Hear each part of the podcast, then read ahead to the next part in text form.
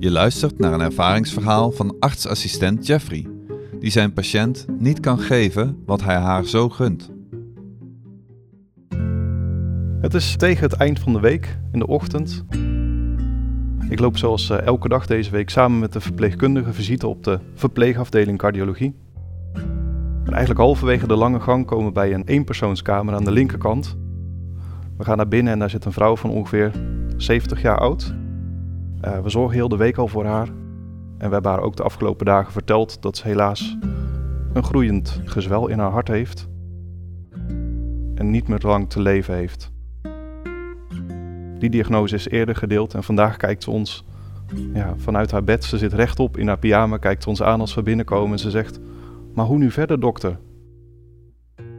Er was wel een hospice bij haar thuis in de buurt.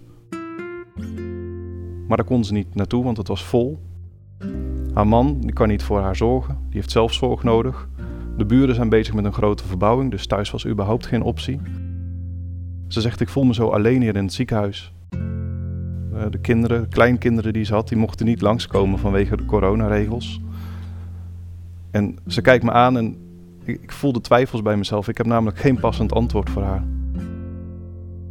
Ik kijk opzij naar buiten door het raam en in de verte zie ik mijn eigen auto op de parkeerplaats naast het ziekenhuis staan. En ik denk, ja, daar ga ik vanavond weer mee naar huis.